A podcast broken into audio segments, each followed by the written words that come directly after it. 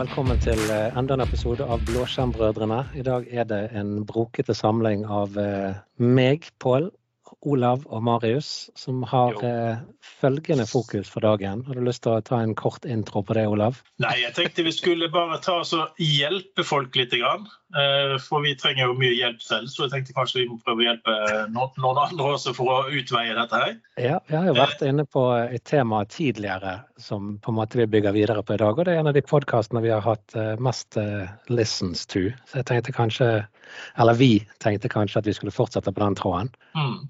Mm, Det er jo så skal det, vi jo gi ut en sånn selvhjelpsbok, ikke sant? Ja, mm, Det blir neste. Ja. det blir neste steg. Ja, for Episoden vi skal prøve å gå videre på, men vi skal ta det med en ny vinkling. Det var typiske feil i IT-avdeling, som er en av de mest avspilte episodene våre. Eh, Og vi tenkte vi skulle, Istedenfor å highlighte feil, så tenkte vi vi kunne heller komme med noen tips og triks eh, og ikke minst verktøy eh, som kan være grei å ha på en IT-avdeling. Så det, denne gangen er det tips og triks for en NIT-avdeling. Mm, og du har jo et ekstremt godt Jeg likte veldig godt det du sa her forleden i en podkast vi hadde tidligere. Zero blame. Og det, fortsatt, det sporet skal vi fortsette på. For Blåskjermbrødrene skylder ikke på dere. Når vi sier typiske feil, så er ikke det for å ta noen. Det er rett og slett for å komme med litt eh, tips og triks og bidrag til en lettere hverdag. Mm. Mm. Ofte er jo det å se ting fra utsiden som gjør at det er litt lettere å oppfatte ting. Sant? Så Derfor er det jo gjerne det at man selv ikke legger merke til en, en uvane man har, eller ting man ikke tenker over, eller noe, noe man er så inngrodd i. Så Derfor kan det være greit å så, eh, få en eh, blåskjermbror eller en annen som faktisk ser det litt fra utsiden og påpeker litt at kan ikke det vært litt lurere å gjort dette istedenfor? Mm, godt tenkt. Så da er det liksom eh, Jeg tenkte du har jo en del verktøy, Olav, for du har jo vært i IT-bransjen lenger enn eh, tid har eksistert. Så vet jeg vet, Ja, så alle du verktøyene mine kjører jo i utgangspunktet best på DOS. Ja.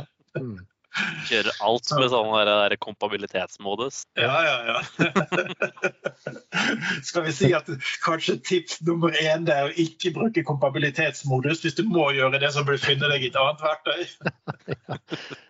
Ja, men jeg, jeg tenker jo det at din erfaring er jo Du har jo vært du har jo levd i, på denne jorden i, i et helt år lenger enn meg, så det er klart det at du, dette har jo du vært med på mye lenger enn meg. Ja, Så- ja, jeg- jeg har jo faktisk brukt det året fornuftig, i motsetning til deg og med de årene som kom etter. sant? Ja, det er sant. Det er ikke mye fornuftig. Men hva er det en IT-avdeling eh, driver med til dagen, tenker du? Sitter de, er det mye kaffedrikking, litt uh, småprat om hva som var på TV i går? Ja. Vinlotteri og kaffe, ja, ikke sant? Ja. Så, og, og vi er jo tom for kaffekopper, så der eh, tabbet de seg ut, da. eh, de som ikke fulgte med på konkurransen vi har hatt tidligere. Men kaffe er jo viktig. Mm. Men, men det vi fort glemmer, det er jo det at eh, man er jo fortsatt i en hybridverden. eh, og det vil si hybrid i dobbel mening, for vi har både skytjenester og vi har on-premises-tjenester. Eh, men jeg vil også si at vi er i en hybridverden med at vi ikke har klart å få eh, migrert alle appene våre ut til service, as a service-apper, sånn at vi fortsatt har jern de skal kjøre på. Det vil si virtuelt jern eller fysisk jern, det er ganske uvesentlig. Så mitt første tre, tre, tips er jo egentlig det å finne seg et godt verktøy for å koble seg opp mot terminal services, altså eh, MSTC, eh, er ikke det det vi pleier å skrive inn? for eh, remote desktop connection mot en server. Mm. Jeg ser utrolig mange gjør det fortsatt gang på gang på gang. på gang, og så Noen er avansert, og så lagrer de en fast en hvis det er en server de går på. Men hvis du går inn på SysInternals, som for øvrig inneholder enorme verktøy, altså søk på SysInternals, det går på microsoft.com slash SysInternals, så vil du finne en hel bunch med verktøy. Eh, Og Der har også den gamle klassiske RDC-menn altså RDC-manager, eh, som er et managementverktøy for å lage connections og koble dem opp. og Du kan også gruppere dem på forskjellige måter, som gjør at det blir mye enklere å huske alle de maskinene du pleier å inne. Eh, Hvis man vil ha en litt mer avansert variant, så har du en som heter Royal TS, eh, som har den samme funksjonaliteten, hvor du kan sette opp en oppkobling, mot masse maskiner og gruppere dem inn og logge det på. Der kan du også kjøre skript og en god del andre ting i en prosess også. da. Eh, Men den er gratis hvis du har et enkelt opplegg, og så koster den litt penger hvis du har en mer avansert opplegg. Men første tripset mitt er å sørge for at vi må nok koble oss opp mot servere i ganske lang tid. Så sørg for å ha et verktøy som gjør det effektivt å koble deg opp. Mm. Men et oppfølgingstips på den er jo da å sørge for å ikke ha de samme portene tilgjengelig på internett. Mm, Ja, det, Ja. det er mange katastrofehistorier. Det er ikke få. Så eh, bruk forskjellige typer løsninger, sånn som, uh, sånn som Asher Bastion eller, eller lignende. Eller VPN, for den saks skyld. da. Det er bare hold under Ja. internett. Problemet med VPN, og dette er kanskje bare meg, men, men jeg, jeg syns VPN er en forferdelig dårlig sikkerhetsløsning. Det er det. For det, at det sier ingenting om klienten, det sier ingenting om kvaliteten. altså Du kan være full i ransomware og virus og alt mulig, men så lenge du klarer å få opp en VPN, så klarer du å komme inn i domenet. Det er ikke godt nok. Så Ja, det, Eh. det finnes jo løsninger, da. Du har jo sånn eh, Jeg har jo satt opp alle de der eh, Health Registration Authority-greiene og alt mulig sånt, men det er jo komplisert som juling, da. Mm. Mm. Så, men du har jo f.eks. Uh, i, i skyen og sånne ting, så bruker vi conditional access. Vi kan bruke Intune med forskjellige compliance policies osv. Men det var litt utenfor temaet. Men der kan vi også bare si, Siden vi snakket om VML, så har de jo i Azure så har også muligheten for å sette opp gitt just in time. Som Mm. gjør at eh, hvis du vet at denne maskinen her er normalt sett ingen som skal ha tilgang til, eh, så kan Mm. du sette opp JIT, som da sier at OK, nå har vi aktivisert det, så nå får jeg lov å komme inn i en time.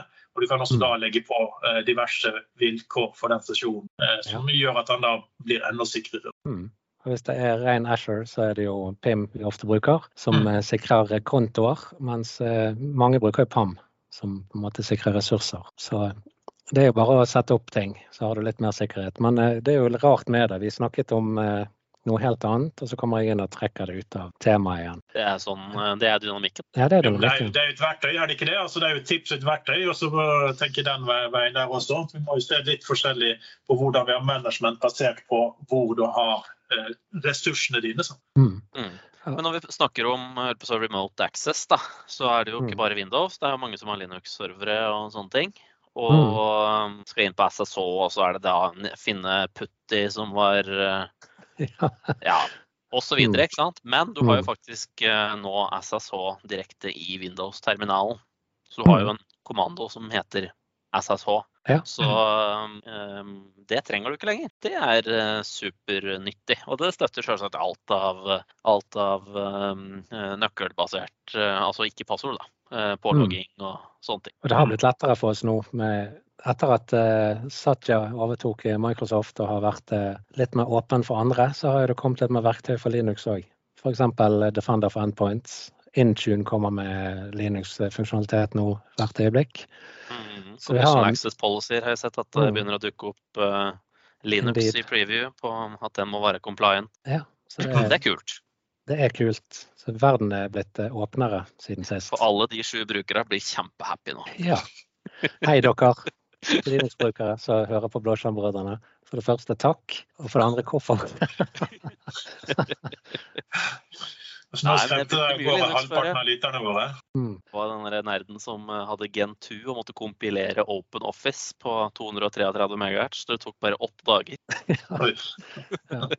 Ja, det, det er jo eh, da, da går du inn for det. Ja, det er- Ja. Men Ja, det det er er litt tøft at du kan installere Linux, installere Linux eh, og så kjører du da Linux på Windowsen din for å gjøre det du på den måten du vil. da. Så det er jo kult å se at du behøver ikke ha en VM for å kjøre Linux. Du behøver ikke ha installert Linux. Du kan kjøre subsystemet, og så bare laster du det ned fra storen, faktisk. Har du prøvd å få noen av Linux-brukerne dine til å kjøre det istedenfor? For at det er en kamp eh, som du bare er dømt til å tape, for det får ikke du til. Det er ikke godt nok, vet du. Du er nødt til å ha den sære versjonen av Linux som de har funnet et eller annet sted. Vi har, vi har heldigvis en verden som består av eh, stort sett Windows, men noe Mac-er. Så vi har ikke, vi har ikke sportert eh, klienter på Linux i, i, vår, i vårt oppsett. Men eh, vi har jo selvfølgelig massevis av Linux på serversiden. Og det er jo litt, litt normalen. Mm. Jeg Er bare det tøyser, altså. er Det ikke er ikke det noen. Det var et tall vi, vi hørte en gang i, i Azure, at det er 80% Linux uh, som kjører i Azure, eller mer. 85 Mm. eller 80% som kjører Mm. Linux i, eh, i Azure. Mm. Det, det er jo et interessant tall. Ja, Mm. Det, det var overraskende faktisk, men det er sikkert riktig. Men det jeg tenker er at veldig mange ønsker jo nå å prøve å bytte ut alle disse serverne så de kan bytte ut med å kjøre en eh, tjeneste istedenfor. Så- Ja. Og det er jo der Mm. Microsoft på en måte har vært bedre enn konkurrentene. Det er jo med Microsoft 365-tjenesten sin. Sant? Google har jo bra ting, for all del, men eh, de er nok ikke i nærheten av Microsoft 365, noen av de. Ikke Amazon og ikke Google. Det er min hardnakkete påstand. Mm. Men alle disse Linux-serverne de har jo også støtte for PowerShell, Marius. Har du noen gode ja. tips rundt PowerShell? ja, absolutt. Det, det ja, skal vi se. Hvor skal vi begynne, er jo egentlig spørsmålet. Jo, vi kan begynne med én ting. Og det er at vi har jo en miniserie på, på YouTube hvor vi har spilt inn litt sånn ja, PowerShell til lunsj, som vi har kalt den. Mm. Hvor vi mm. har eh, Ja, jeg prøver å lære Paul PowerShell. en tapt kamp. ja, det er tapt kamp. Men forhåpentligvis så kan jo noen få nytte av det. Der lærer han litt forskjellig om alt fra å håndtere variabler til moduler og mm. forskjellige greier. Ja. Mm. For det, det er jo en av faktisk, kanskje de beste tipsene. det er at Man bør prøve å automatisere litt mer. Eh, og nesten alle klarer å tilpasse et PowerShell-skript til å gjøre en god del av det de har lyst til å gjøre på en veldig enkel måte. Da. Så det er en lav terskel å begynne, og ikke minst ha disse PowerShell til lunsj, så vil de plutselig ha, ha, innsikt nok til å kunne gjøre en del tasker for å automatisere prosesser som kan være irriterende ellers. Ja, fordi det var egentlig det som var liksom hovedpunktet mitt. Jeg har kalt det for mini-automatisering. Um, rett og slett finne alle slags småting og automatisere de bort fra deg sjøl. Ja. Um, sånn svare på mail og alle mulige ting. Nei, kanskje ikke, kanskje ikke, helt på det nivået, men det kan være alt mulig rart. Eller det kan være også f.eks. kanskje noe du gjør ikke så ofte. Du gjør det, Si at du gjør en eller annen prosess en gang i uka. Da. Du skal lage en gruppe eller en tjenestekonto eller et eller annet. Men du skal ha gjort det likt hver gang. Mm. Problemet er jo at du går inn og trykker et eller annet sted i Ashore AD eller AD eller whatever, og så gjør du det litt forskjellig hver eneste gang. Så mm. glemmer du å fylle ut det feltet, og så har halvparten av servicekontoene dine har da beskrivelse. Noen av de har de selvsagt ikke, og alle mulige sånne ting, da. Så det å finne ja, alle ting du enten kan automatisere, som er, altså, som er da ting som kjører type hver dag, hvert 50 minutt, hver måned. Det kan være veldig mye forskjellige ting. ikke sant? Eller da mm. det at du trigger det manuelt, men har den automatiseringa der for å gjøre det likt hver gang. Og jeg har skrevet opp noen sånne forskjellige måter eller ting du kan bruke. da. Eh, det ene er jo f.eks. Power Apps. Der har vi jo en egen eh, Eller Power Platform, da. Der har vi en mm. egen episode om det. Um, der har vi faktisk video med, med Mishpa Lauten også, så ja. der, eh, den ligger også i videokanalen vår. Så. Mm. Det er veldig nyttig, for da kan du Jeg kan jo nevne Logic Apps egentlig i samme setning. Da. Det er egentlig samme konsept. Du kan mm. eh, rett og slett bygge på automasjon med et puslespill. Du flytter på bokser og du sier at nå skal jeg gjøre den og den type greie. og Det er litt sånn at du, du skripter, bare at du skriver ikke kode. Du bygger det opp med byggeklosser, nesten. Ja, og det ser jo jeg eh, litt på nå. At vi, vi, vi prøver jo alt som infrastructure as code. Um, og der er jo Logic Apps uh, litt sånn, nesten litt nederlag. For uh, du, du, klarer ikke å skrive alt. Det må på en måte være litt uh, Logic Apps i, her og der. Men hva verktøy bruker du når du sitter og skriver i PowerShell? Ja, du du en... Men du mener nå Logic Apps er nederlag når du må ty til Logic Apps, ikke sant? Ja, når du, har lyst, ja. når du har lyst til å ha infrastructures code på alt, så er det på en måte ja. litt sånn tilbake. Jeg ser har, dette ser jo ikke dere som hører på, men du har en veldig fin bakgrunn. Hva er det for et uh, system du har der? Jeg ser jo ikke min egen bakgrunn, men er ikke det noe Terraform-greier på Teams-bakgrunnen? Ja, jeg tenkte mer uh, hvilket verktøy du bruker der. Ja, ja, ja selv. Applikasjon, Windows-applikasjonen VS Code. ja. Snakk, snakk, om nyttige verktøy, så er jo det helt på list, topp uh, av listen, syns jeg. Ja, det tror jeg, i hvert fall for min del, så er det når jeg har en helt fersk Windows-installasjon, da er mm. steg én installere Chrome.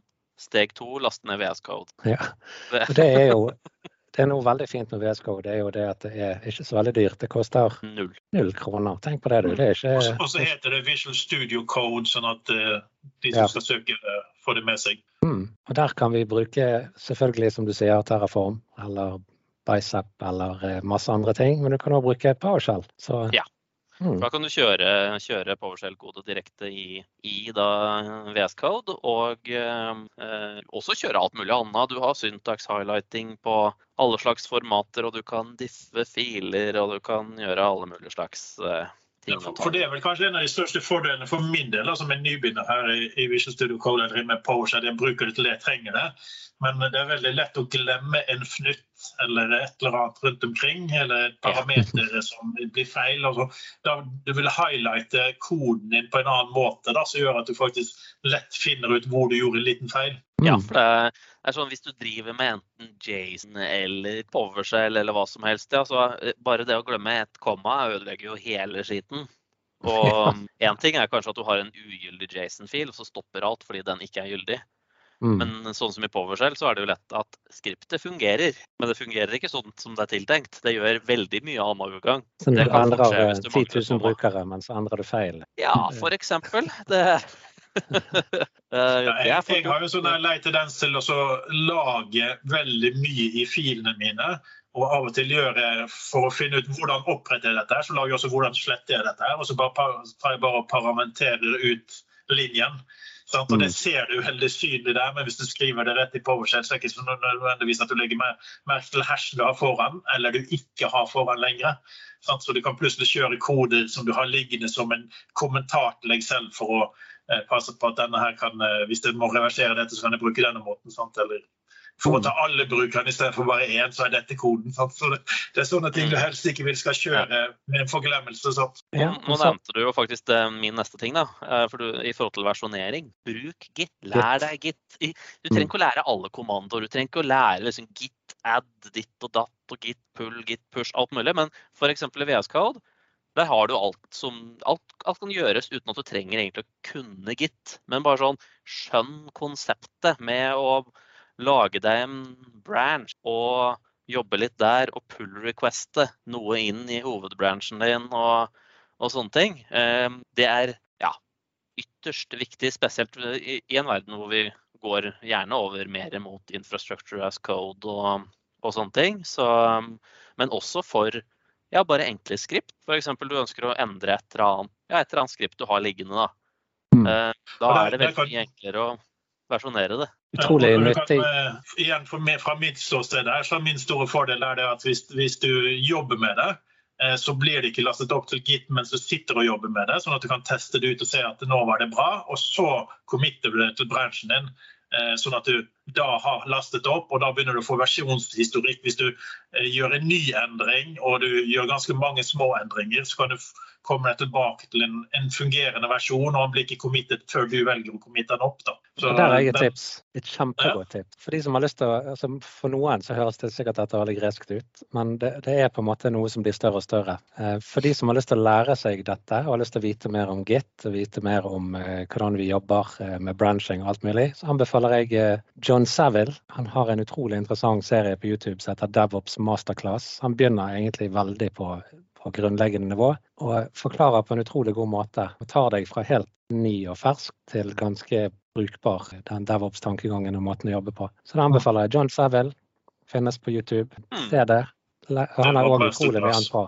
Mm. Og når vi sier Git, så betyr ikke det GitHub. Altså GitHub er jo en tilbyder av, som, som kan ha git-repositorene dine, men det kan også være Azure DevOps eller GitLabs eller Mm. din egen server for den saks skyld. Men, eh, for det er, det er på en måte, kall det verktøyet du bruker for versjoneringa. Ja. Så prater vi jo nå om DevOps, um, og der tenker jeg at det, er, det blir kanskje nest, på en måte neste steg da, i den kall det reisen å lære seg ting. Men eh, det å um, ta det videre med enten Azure DevOps Pipelines eller GitHub Actions eller lignende tjenester fra andre tilbydere. Da. Det, er altså rett og slett at du kan f.eks.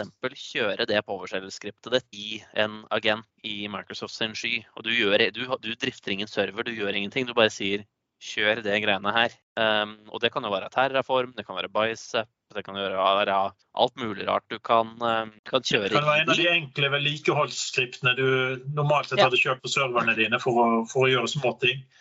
Så det det bør ikke være rar, stor kode heller. Det kan være bare at du vil at noen skal kjøre regelmessig, og så etter hvert så er det jo litt, litt for kjipt å legge det inn i schedulen på hver server. Så, Yes. Mm. Så alt mulig rart kan kjøres der, og bør kanskje også kjøres der, fordi det er jo knytta til typisk Git, da, sånn at du har også da versjonert den koden som kjører og alt mulig sånt. Så eh, lær deg det, eller se på det, eller ja, sørg for å være seg på en måte. For det, det er det du må gjøre etter hvert. Mm. Spesielt når du, for til slutt så har du heller ikke den serveren. ikke sant? Så med Task Scheduler og cmd.exe, Mm. så eh, da har du på en måte ikke noe valg. Da må du kjøre det andre plasser, kanskje. Og da tider, er det mye bedre å kjøre det i pipeline eller Det er å bytte ut kickskriptet. Yes! Ja, ikke sant. Åh, Kickscript. Men, men det er masse flotte extensions òg i VS Code som kan hjelpe oss til å ja, gjøre, skrive bedre kode og gjøre masse ting. Så er det Ja, et veldig nyttig verktøy. Mm. Og de er jo også litt sånn at så, det, En av mine favoritter var jo type um, um, Bracket Pair Colorizer, het den uh, pluginen. Den heter vel for så vidt det fortsatt, men den, jo blitt, den har jo da blitt, blitt en del av VS Code standard. Um, og det gjør jo at det, uh, du ser med farge da, hvilke brackets er det som, uh, som hører sammen. Jo, her starter det gul, gul bracket, og den neste gule bracketen da er det lettere å se den på en måte i koden. For Mm. Spesielt i PowerShell og også en del andre språk. uh, Scheme og alt mulig. Det er jo ingen som bruker det i praksis. Da, men samme det. Så um, er det fort at det blir liksom parentes, krøllparentes, klammeparentes, parentes etter hverandre plutselig. Mm. Og da prøve å finne ut rekkefølge og hvor ting stopper og alt mulig sånn. Da, da er det veldig nyttig med sånne type, type verktøy som kan gi god farge på ting. Ja, absolutt. Så er det masse templates man kan laste ned. Sånt. Ting, Jeg, jeg tenker vi kan fort eh, nå har beveget oss inn på det at vi har begynt å snakke om uh, hvordan du setter opp ting. Eh, og litt med, med, med masse skript. Eh, og da tenker jeg at Vi bør kanskje snakke litt om dokumentering. For dette er jo et typisk problem. det er det at Noen lager seg et godt skript, og så sitter de og ruger på det selv. Eh, Mm. Eller de vet hvordan du setter opp en, en god, et godt oppsett av VS Code f.eks. Eh, og så neste gang du skal retanke maskinen din om to år, så husker du ikke hva du gjorde for å få det opp og gå. og den type ting. Så dokumentering er jo egentlig kanskje noe av det mest mangelfulle vi har rundt omkring. Og man tenker at dette bør vi ikke dokumentere, for dette kan vi jo. Men husker du det neste gang? Ja, nei, det er et godt poeng. Og jeg, da jeg er jo litt da fan av at uh, dokumentasjon skjer i markdown, ja, Jeg visste du skulle si det. da. og for de som ikke vet hva markdown er, så er jo det på en måte et veldig, veldig enkelt um, eh, Skal vi se. HTML, der M-en der, er jo, står for markup. Hypertext markup language. ikke sant? Og, men det er jo jævlig komplisert. Det har jo masse tabeller og dill og dall som Og kanskje ikke veldig vanskelig å lære seg, men det er veldig mye hode da, som skal skrives for å definere strukturen um, i objektmodellen din der. Mens markdown er på en måte veldig, veldig enkle lillebroren. Som er på en måte skal, Du tar én skigar og litt tekst, da kommer det Da er det på en måte heading nummer én. To skigarer og tekst. Og det er jo da pound sign. For, eh, hashtag, kall det hva du vil. Jeg kaller det skigar. Mm. Så, um, så da har du på en måte heading nummer to og sånne ting. Og ja, du kan legge inn bilder, du kan gjøre ditt og datt, men, eh, men poenget er at én, det er en ren tekstfil, så du kan lett versjonere den med Git. Um, Mm. Du kan flytte den fra system til system uten at det er noe på en måte styr med det. Du kan bruke det i Confluence, du kan, eh, kan bruke det i Jira og sånt. Du kan eh, typisk eh, se det direkte i GitHub eller Azure DevOps. Du har markdown preview i VS Code og sånne ting. Da. Så Mm. ja, Word-dokumenter er fint, det, men jeg syns nå i hvert fall at for, for den type dokumentasjon så er markdown helt supert. Mm. Men, men du svarte jo egentlig på det jeg ville, ville kommentere her. og det er jo det at Ja, du syns dette er greit, for du sitter med kode hele tiden. Men når jeg skulle prøve å gjøre dette, her, så fant jeg dette ut utrolig annoying og gadd ikke å gjøre det. Eh, men eh, så bruker vi da Confluence, eh, som da gjør det for deg, så jeg kan faktisk jobbe med det grafisk og likevel få det i riktig format. Eh, Mm. Så det er jo fint at du har andre editorer som gjør at du kan eh, De som er en typisk IT-pro tenker dette med skigaver eller hashtegn, eh, de, eh, som blir satt ut bare av det, så, så finnes det da mulighet til å eh, lagre det som markdown i mange verktøy.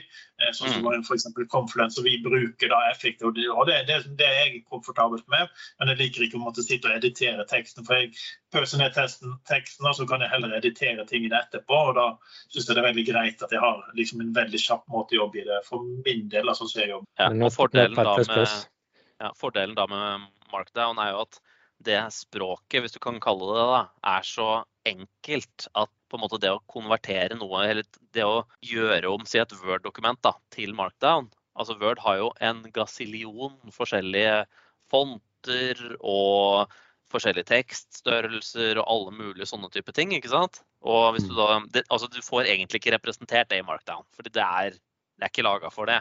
Og hvis du har prøvd å eksportere Word til en HTML-fil og sett på Oh, den yes. måten, det Syv sider med kode for å skrive tre linjer med tekst, liksom. Ja. Ja, Og, ja, så da får du jo helt slag når du driver på. Så, Mm. så Altså når, de går- om, eh, når du snakker om Microsoft og Word, så kan vi jo si at det er ikke Word de bruker når de lager eh, docs microsoft.com. Det er ikke det Word de bruker for å lage de sidene, men det er Nei, men nemlig det er jo et godt eksempel på Markdown. Mm. Der kan du også, um, hvis du, ja, hvis du jobber mye med Microsoft og du bruker mye dukk der, da, og du finner noe feil i dokumentasjonen, så er det jo bare å trykke 'edit' øverst på sida. Editere direkte i GitHub. Da er det Markdown du skriver. Og så bare pull request inn. Og da, um, da, da sørger Microsoft på en måte for at det, den, din contribution både synes, sånn at det, du får bildet ditt på dokumentasjonen, hvis det på en måte er godt nok til å bli publisert, det du, det du gjør. da. Ja, For det er jo en godkjenning og alt mulig sånt. da. Um, men da er det på en måte up to date i løpet av bare noen timer etter at du har, har um, contributa det. da. Og der har du en fin overgang til neste gode tips for IT-avdelingen. Det er jo Docs. Doxmicrosoft.com, Docsmicrosoft.com. Supernyttig. Jeg bruker det hele tiden. Det er blitt så sinnssykt bra. Ja, Både innholdsmessig og, og letthet å finne fram i. Altså, jeg ser jo det at flere og flere tilfeller nå så er det sånn at når du søker etter noe, så er Dox en av de høyeste på listen. Hvis du har søkt eh, noenlunde fornuftig, så ser du at Mm. Dox-anbefalingene kommer veldig høyt opp på listen, listen over det du søker etter. I hvert fall i min verden med Azure-relaterte ting og Microsoft 365-relaterte ting, så, så er det nesten alltid Dox som kommer med de beste guidene. Mm. Det er, nå skal ikke jeg være Google-representant, men YouTube òg har utrolig mye tips og triks. F.eks. hvis du vil lære deg markdown, eller hvis du vil lære deg eh, kode eller hva. Så er YouTube òg et veldig nyttig eh, sted å finne ting. Hvis ikke du går deg vill i sånne hundevideoer jeg ofte gjør. I, i Markdown, eh, Markdown-teksten din, eh, sørg for å legge inn tidspunkt når tingene blir lagt og endret. For det er vel kanskje et av de viktigste tipsene når du begynner å søke etter informasjon. Sjekk datoen på informasjonen du får, for ting endrer seg fort. Mm. Mm. Det er for så vidt litt sånn eh, Kan du nevne det i forhold til type Git og Markdown og den biten der. da, Hvis du har din egen dokumentasjon, da har du på en måte all historikk på hver enkelt fil. ikke sant? Så du kan da gå, gå og se alle endringer som har skjedd i den fila bakover i tid. Så Mm. eh, Det samme gjelder jo eksempelvis docs.microsoft.com. da. Hvis du ønsker å se OK, men det var da ikke sånn her før, lurer du på. ikke sant? Du er inne på en eller annen dox side. Da kan du gå på, på en måte inn på samme edit-link og se, se de dataene på, på GitHub. Og eh, bla bakover i, i dokumentasjonen der også, for å på en måte se tidligere eh, versjoner da, av, Mm. av samme fil. Men når vi dokumenterer, jeg- så bruker vi også andre verktøy. Eh, screenshot. Pål vinker til meg. Det ser ikke dere som hører på. Hva er det du vinker på, Pål? Nei, jeg bare tenker nå, det, nå skal ikke, Dette skulle være sånn tips-triks til IT-avdelingen. Nå blir det veldig eh, teknisk. Gjør sånn her, gjør sånn. Ja, så eh, kanskje, kanskje screenshot var veldig god overgang, Olav. Hadde jeg visst at du skulle Yes. si det, så hadde jeg stoppet deg. Nei, OK. Nei, det var det jeg skulle si. Mm. Screenshotting, altså for dokumentasjon eh, eller nettsider eller hva det skal være, så er det jo ofte veldig greit å kunne bruke et bilde som forklarer mye mer. Og da må man jo ha et greit verktøy for å ta skjermbilder. Har dere noe favorittverktøy der ute og går? Live stender veldig kurant. Da er, trykker jeg bare på den vanlige print screen-knappen, holder på å si, så dukker det opp sånn felt som jeg kan markere av hva jeg skal ta, ta print screen av. Og så kan jeg velge å sette inn ja, bokser og piler. Og det er på en måte det jeg generelt har behov for når jeg dokumenterer eller blogger eller forskjellige ting. Mm. Mm. Det skal jeg faktisk ta med meg, for eh, jeg trenger noe bedre. Jeg bruker bare Windows Shift S, og det tar det mange ekstra steg. Det, det jeg føler som er noe av det viktigste, det er at jeg kan ta mange uh, bilder uh, og håndtere dem etterpå. Sånn at du kan ta en hel serie med, altså Når du går gjennom en hel prosess for å dokumentere noe, for eksempel, så er det greit å ta masse bilder, og så ser du over bildene dine i etterkant. Så jeg bruker Snagit, for da har jeg historikken. Og ikke minst så har jeg også historikken så jeg kan gå inn og så søke på websider jeg tok eh, snapshot av, eller verktøy jeg brukte. Så jeg kan gå inn og finne veldig mye historikk på det jeg har tatt. Da. For etter hvert så begynner det å bli ganske mange forskjellige ting. Eh, Mm. Teams for eksempel, sånn som de bildene vi tar her når vi lager bilder på podkastene våre, så bruker jeg Snagit eh, og editerer bildene på, og da ligger de i historikken min, så jeg kan gå inn og finne dem tilbake senere. Da har jeg et lite tips òg som er gratis, i motsetning til ditt tips, Olav. Steps-rekorder. Den òg funker. Mm. Funker fremdeles. For Snagit koster noen kroner, ikke det? Den koster noen kroner. Er ikke sånn superdyr. eh, Og hvis du dokumenterer mye, eh, så vil jeg anbefale den. Men hva var det du kalte det du hadde, Marius? Du sa det var Light shot. Light shot. shot. ja, Og det er gratis. Det er gratis. Ja, sant? Så da kan man jo prøve ut den, eller man kan ta en trial av Snagit og så se hvem man, man liker best. Mm. Eh, Og et ekstra godt tips vi kan komme inn på siden vi gir tips i denne episoden, det er jo det eh, jeg hadde her faktisk før i dag, så var jeg ute etter en mulighet til å konvertere PDF-er til eh, bilder. Eh, Og det fant du mange nettsider som ville gjøre for deg, men jeg har ikke lyst til å laste opp PDF-ene mine på ukjente nettsider for å konvertere dem. Eh, På Adobe så fikk du lov å gjøre det én gratis, to så må du logge deg inn, og etter det så får du vel et par for dagen. Så det var heller ikke godt nok. Så jeg tenkte jeg skulle se om jeg fant verktøy. Eh, og det fant jeg. Ingen som jeg vil anbefale, for ingen var supergod. Men eh, vi er jo vant til at det medfører at PC-en din ser ut som et monster etter å lette etter gratis software. Man søker etter free tools og så navnet på det du har lyst til å gjøre. Sant? Så da får du virkelig bloatware på PC-en. Så jeg brukte Windows Sandbox, som er en virtuell instans du kan eh, legge til på Windowsen din. Så eh, lager en replika av det OS-et du har installert, patchet opp på det nivået du har. Men han boter opp på et par sekunder. Eh, har ingenting installert, men du kan installere på han. Eh, Du kan ikke ribote, men de fleste verktøy krever jo ikke ribot lenger. Det krever bare at du installerer, installerer dem. Og Da fikk jeg testet det ut. Så skal du teste ut snegg, snegg ut etter Lighthouse, eller en av de to, så kan du f.eks. prøve deg å installere det i en Windows Handbox uten å måtte installere masse skit på PC. Det er et lukket Mm. miljø som forsvinner. og Er det malware eller er det noen stygge eh, reklameting som dukker opp i disse gratisverktøyene du prøver å teste ut, så er det borte for alltid idet du lukker vinduet i Windows Sandbox. Ja, jeg, jeg trengte en, en tur i går, faktisk. Eh, Jeg drev og testa sertifikat, eh, en ny funksjon i Azure hadde med sertifikatbasert autentisering. Og om det som var annoying da, var at hvis jeg For jeg, da, jeg gjorde jo ikke ting riktig på første forsøk, så klart. Men da hadde jeg allerede valgt sertifikat i Chrome, og den nekta å la meg velge et nytt et. Så den skulle prøve det samme opp igjen og opp igjen, og masse sånn styr. Men da kjørte jeg bare opp en sandbox, og for, hver- for hver gang, da, og det tar ti sekunder eller noe sånt nå, Mm. og da hadde jeg hele, hele greia ferdig, på en måte. eh, Mm. Uten at jeg trengte å gjøre noe mer tull og tøys. Og på videoen vår så har vi jo på, på videolisten vår så har vi jo også innspillingen vi gjorde i, i, på Ignite, eh, som Blåskjermbrødrene. Første norske sesjonen fra Ignite. Mm. Eh, der spilte vi jo faktisk inn hvordan sandbox og tilpasninger av oppstart av sandbox gjør, sånn at du kan få en, et miljø med installerte applikasjoner. Så det finner du også mye informasjon eh, fra oss også. Men det er en Mm. veldig grei måte. sant? Men det er helt fra tilbake når det var lov å reise og sånn. Mm. Ja, ja, husker du det? Ja. Var, var, var det damptog eller dampbåt vi tok bort der, eller var det Ja, det var Amerika- Titanic. Ja, ja, det var tenkt, ja. det kommer men, tilbake, det òg. Ja, ja, alt er jo retro for hipster og sånne ting. Er det noen andre retro-ting du vil anbefale?